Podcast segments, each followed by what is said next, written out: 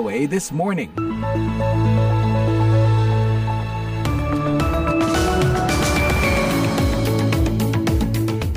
Halo, selamat pagi. VOA This Morning kembali hadir menemani Anda di hari Rabu tanggal 23 Agustus 2023 bersama saya Rifan Dwi Astono yang bersiaran langsung dari Studio 17 VOA di Washington DC. Apa kabar? Sebelum memulai hari yang sibuk di pertengahan minggu ini, seperti biasanya redaksi VOA sudah menyiapkan serangkaian berita hangat dari Indonesia dan mancanegara. Di antaranya, Tiongkok dan Afrika Selatan ingin memperluas kelompok kerjasama BRICS yang juga mencakup Rusia, India, dan Brazil. South Africa and China have similar views with regard to the expansion of BRICS. Peningkatan investasi hilirisasi nikel di Indonesia, khususnya di Sulawesi, tidak sebanding dengan kerusakan lingkungannya. Presiden sama sekali tidak melihat bagaimana hutan hujan dan ekosistem lainnya yang setiap hari rusak akibat ekspansi tambang nikel. Jangan lupa siaran ini juga dapat Anda simak secara live streaming di situs kami www.voaindonesia.com atau dengarkan kapan saja melalui podcast VOA This Morning di platform podcast langganan Anda. Kini saatnya kita simak berita dunia pagi ini bersama Carolina Amkas. Selamat pagi, John Eastman menyerahkan diri kepada pihak berwenang Selasa dalam kasus di Georgia atas tuduhan adanya rencana ilegal untuk membatalkan kekalahan Trump pada Pilpres 2020. Ia adalah pengacara konservatif yang mendorong rencana mempertahankan kekuasaan Donald Trump. I am confident that when the law is faithfully applied in this proceeding, all of my co-defendants and I will be fully vindicated. Berbicara kepada wartawan di luar penjara Fulton County, ia menyatakan, "Saya yakin bahwa kalau hukum ditegakkan dalam persidangan ini, saya dan semua terdakwa akan sepenuhnya dibebaskan." Eastman dijebloskan ke penjara Fulton County. Ia diperkirakan akan menjalani dakwaan dalam beberapa minggu ke depan. Pekan lalu, Eastman dinyatakan bersalah bersama Trump dan 17 lainnya.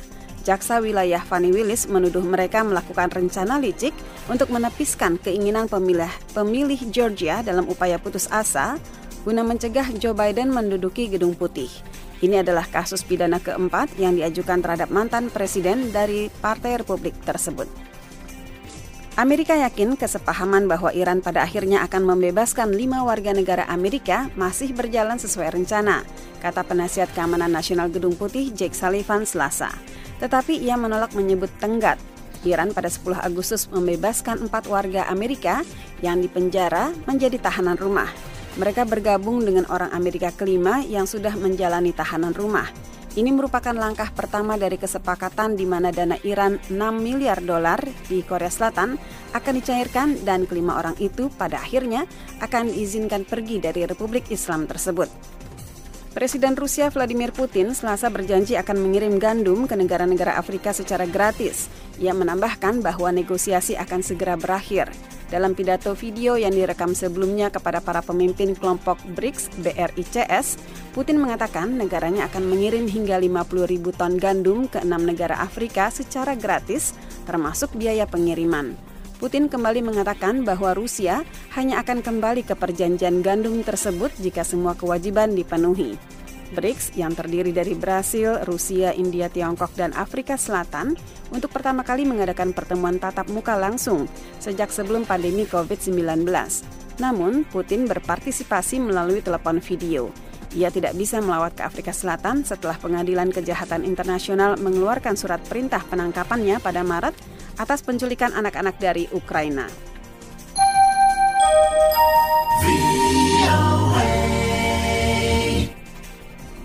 Presiden Ibrahim Raisi selasa mengatakan bahwa Iran akan menghukum pihak mana pun yang terlibat agresi melawan Iran. Ia mengatakan itu dalam upacara di mana Republik Islam tersebut meluncurkan drone canggih buatannya Mohajer 10. دیروز به عنوان یک کشور مصرف کننده و محتاج نگاه دیگران امروز به عنوان یک کشور تولید کننده Kemarin kita dianggap sebagai negara konsumen yang membutuhkan bantuan pihak lain. Hari ini kita dipandang sebagai negara produsen yang sangat dihormati dalam industri militer dan pertahanan. Mohajar 10 dilaporkan mampu terbang hingga 2000 km dan hingga 24 jam. Muatannya bisa mencapai 300 kg, dua kali lipat kapasitas drone Mohajer 6. Pejabat-pejabat Amerika menuduh Iran menyediakan drone Muhajir 6 di antara kendaraan udara tak berawak lainnya ke Rusia dalam perangnya melawan Ukraina. Iran membantah tuduhan tersebut. Tayangan video menunjukkan satu dari tujuh anak yang diselamatkan dari kereta gantung atau cable car yang tergantung di Pakistan ditarik ke tempat aman dengan menggunakan tali. Ketujuh siswa dan seorang guru mereka selasa pagi tergantung sekitar 300 meter di udara setelah salah satu kabel kereta gantung itu putus di wilayah pegunungan Batagram yang terpencil. Tim penyelamat menggunakan kabel yang ada untuk menjangkau penumpang yang terdampar dan menarik mereka ke tempat aman. Perdana Menteri sementara Pakistan yang mengikuti operasi itu dengan cermat akhirnya mencuit bahwa kedelapan penumpang telah berhasil diselamatkan. Petugas penegak hukum mencegat perahu layar yang membawa 700 kg kokain sekitar 804 km di lepas pantai Kepulauan Kanari, ungkap polisi Spanyol Selasa. Operasi darat dan laut tersebut melibatkan sejumlah sumber dan berujung pada penangkapan empat tersangka. Menurut pihak perwenang, mereka yang ditahan adalah bagian dari organisasi kriminal yang lebih luas yang bertugas mencoba menyelundupkan kokain dalam jumlah besar dari Amerika Selatan ke Eropa. Karena lokasinya, Kepulauan Kanari merupakan jalur penting bagi perdagangan narkoba internasional dan operasi ilegal kelompok kriminal Eropa. Operasi gabungan tersebut yang dipimpin Guardia Civil Spanyol dan Europol juga melibatkan polisi Kroasia dan Serbia serta penyelidik dari Palermo di Italia. Dengar demikian berita dunia VOA Washington.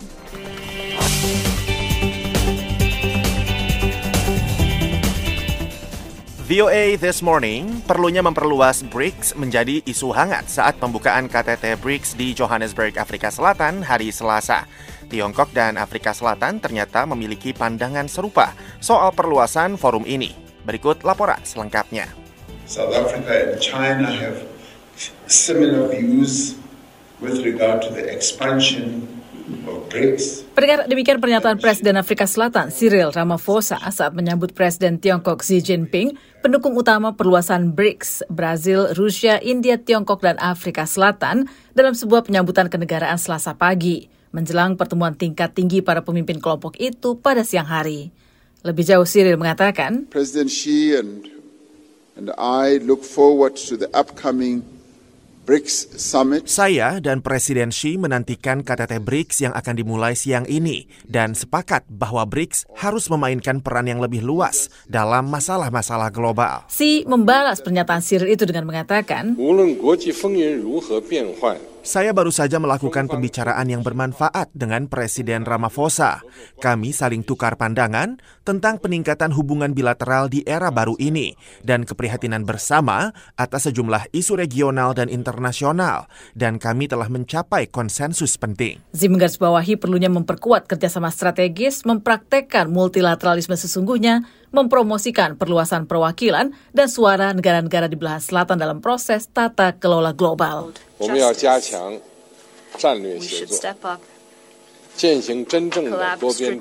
Perluasan keanggotaan BRICS telah sejak lama menjadi tujuan Tiongkok yang berharap agar forum yang mewakili sekitar 40 persen populasi dunia dan seperempat PDB global itu akan memiliki pengaruh lebih besar. Meskipun potensi perluasan BRICS masih belum jelas, janji blok itu untuk menyuarakan kepentingan negara-negara berkembang Global South dan menawarkan alternatif bagi tatanan dunia yang didominasi oleh negara-negara barat yang kaya sudah mulai terdengar. Demikian laporan tim VOA.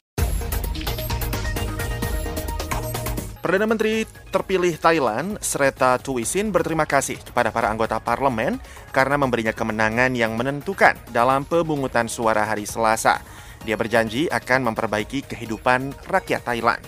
Selesai pemungutan suara, Perdana Menteri terpilih mengatakan,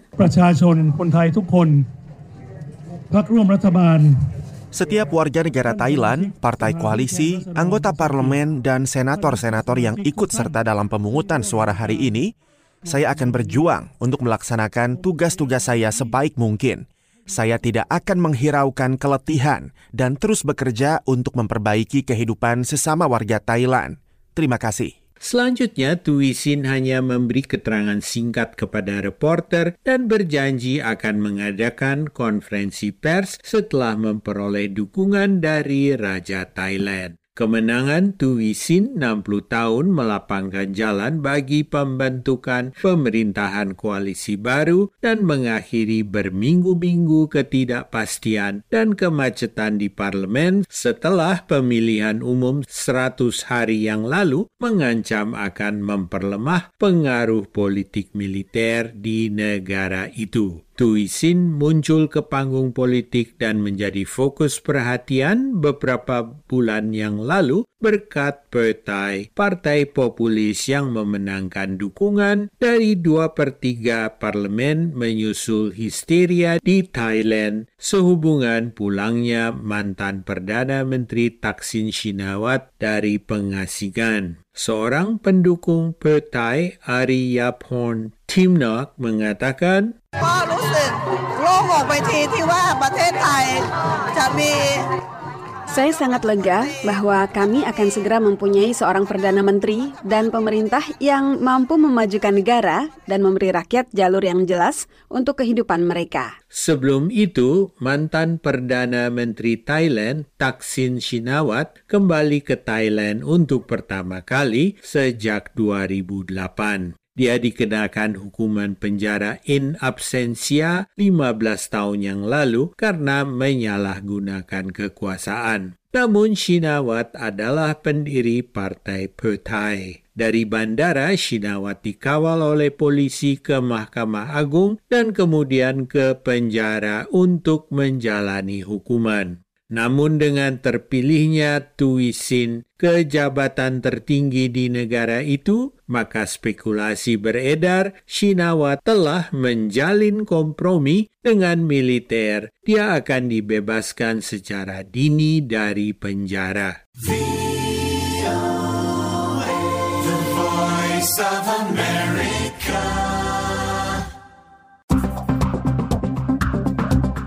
Penyiar kita beralih ke berita dalam negeri. Aliansi Sulawesi Terbarukan menyatakan peningkatan investasi hilirisasi nikel di Indonesia, khususnya di Sulawesi, tidak sebanding dengan kerusakan yang ditimbulkannya pada lingkungan. Yohanes Lita melaporkan dari Poso, Sulawesi Tengah. Aliansi Sulawesi Terbarukan gabungan tiga organisasi lingkungan hidup di Sulawesi yaitu Wahana Lingkungan Hidup Indonesia atau WALHI Sulawesi Tengah, Walhi Sulawesi Selatan dan Walhi Sulawesi Tenggara lagi-lagi menyuarakan keprihatinan mereka terhadap hilirisasi nikel. Aliansi itu menilai pemerintah tidak jujur dan terbuka mengenai berbagai persoalan dan dampak negatif hilirisasi nikel di tanah air, khususnya di daerah-daerah penghasil nikel seperti Sulawesi. Pernyataan Presiden Joko Widodo tentang keberhasilan pemerintah membuat banyak lapangan pekerjaan dari sektor industri nikel sangatlah tidak benar bila kita bandingkan dengan daya rusak industri nikel yang mengakibatkan ribuan bahkan puluhan ribu petani dan nelayan kehilangan mata pencarian. Kata Direktur Walhi Sulawesi Selatan Muhammad Al-Amin Kamis 17 Agustus. Ia menanggapi pidato kenegaraan Presiden Joko Widodo yang disampaikan dalam sidang tahunan MPR RI pada 16 Agustus 2023. Data Aliansi Sulawesi menunjukkan bahwa tingkat kemiskinan Sulawesi Tengah mencapai 12,33 persen atau termasuk 10 provinsi dengan tingkat kemiskinan tertinggi di Indonesia. Ia melanjutkan keberadaan industri nikel menyebabkan kerusakan ekosistem hutan hujan, sungai, danau hingga pesisir dan laut yang selama ini menjadi sumber penghasilan masyarakat lokal yang berprofesi sebagai petani dan nelayan. Presiden Joko Widodo dalam sidang tahunan MPR pada Rabu 16 Agustus mengatakan sejak dihentikannya ekspor biji atau ore nikel pada 2020, investasi hilirisasi nikel di Indonesia tumbuh pesat. Kini sudah terdapat 43 industri pengolahan nikel yang akan membuka peluang kerja yang sangat besar. Menurut Jokowi, bila konsisten dan mampu melakukan hilirisasi nikel, tembaga, bauksit, CPO, dan rumput laut, Indonesia dapat meningkatkan pendapatan per kapitanya dalam 10 tahun mendatang. Hilirisasi nikel dan komoditas lainnya di Indonesia menurut Jokowi dilakukan dengan memanfaatkan sumber energi baru terbarukan serta meminimalisir dampak lingkungan. Pemerintah telah mewajibkan perusahaan tambang untuk membangun pusat pembibitan untuk menghutankan kembali lahan pasca penambangan. Aliansi Sulawesi menyatakan hampir seluruh aktivitas tambang nikel di Sulawesi dilakukan tanpa memperhatikan aspek perlindungan bagi keanekaragaman hayati.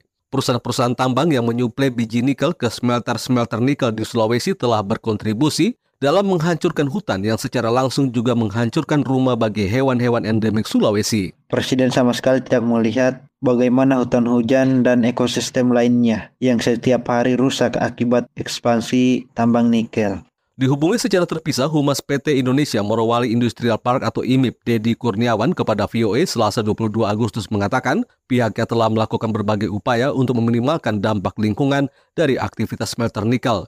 Di antaranya dengan memasang elektrostatik precipitator atau ESP untuk menyaring debu pada sekitar 150 cerobong PLTU dan smelter, membuat 17 kolam pengendapan lumpur atau settling pond dan memanfaatkan teknologi daur ulang air.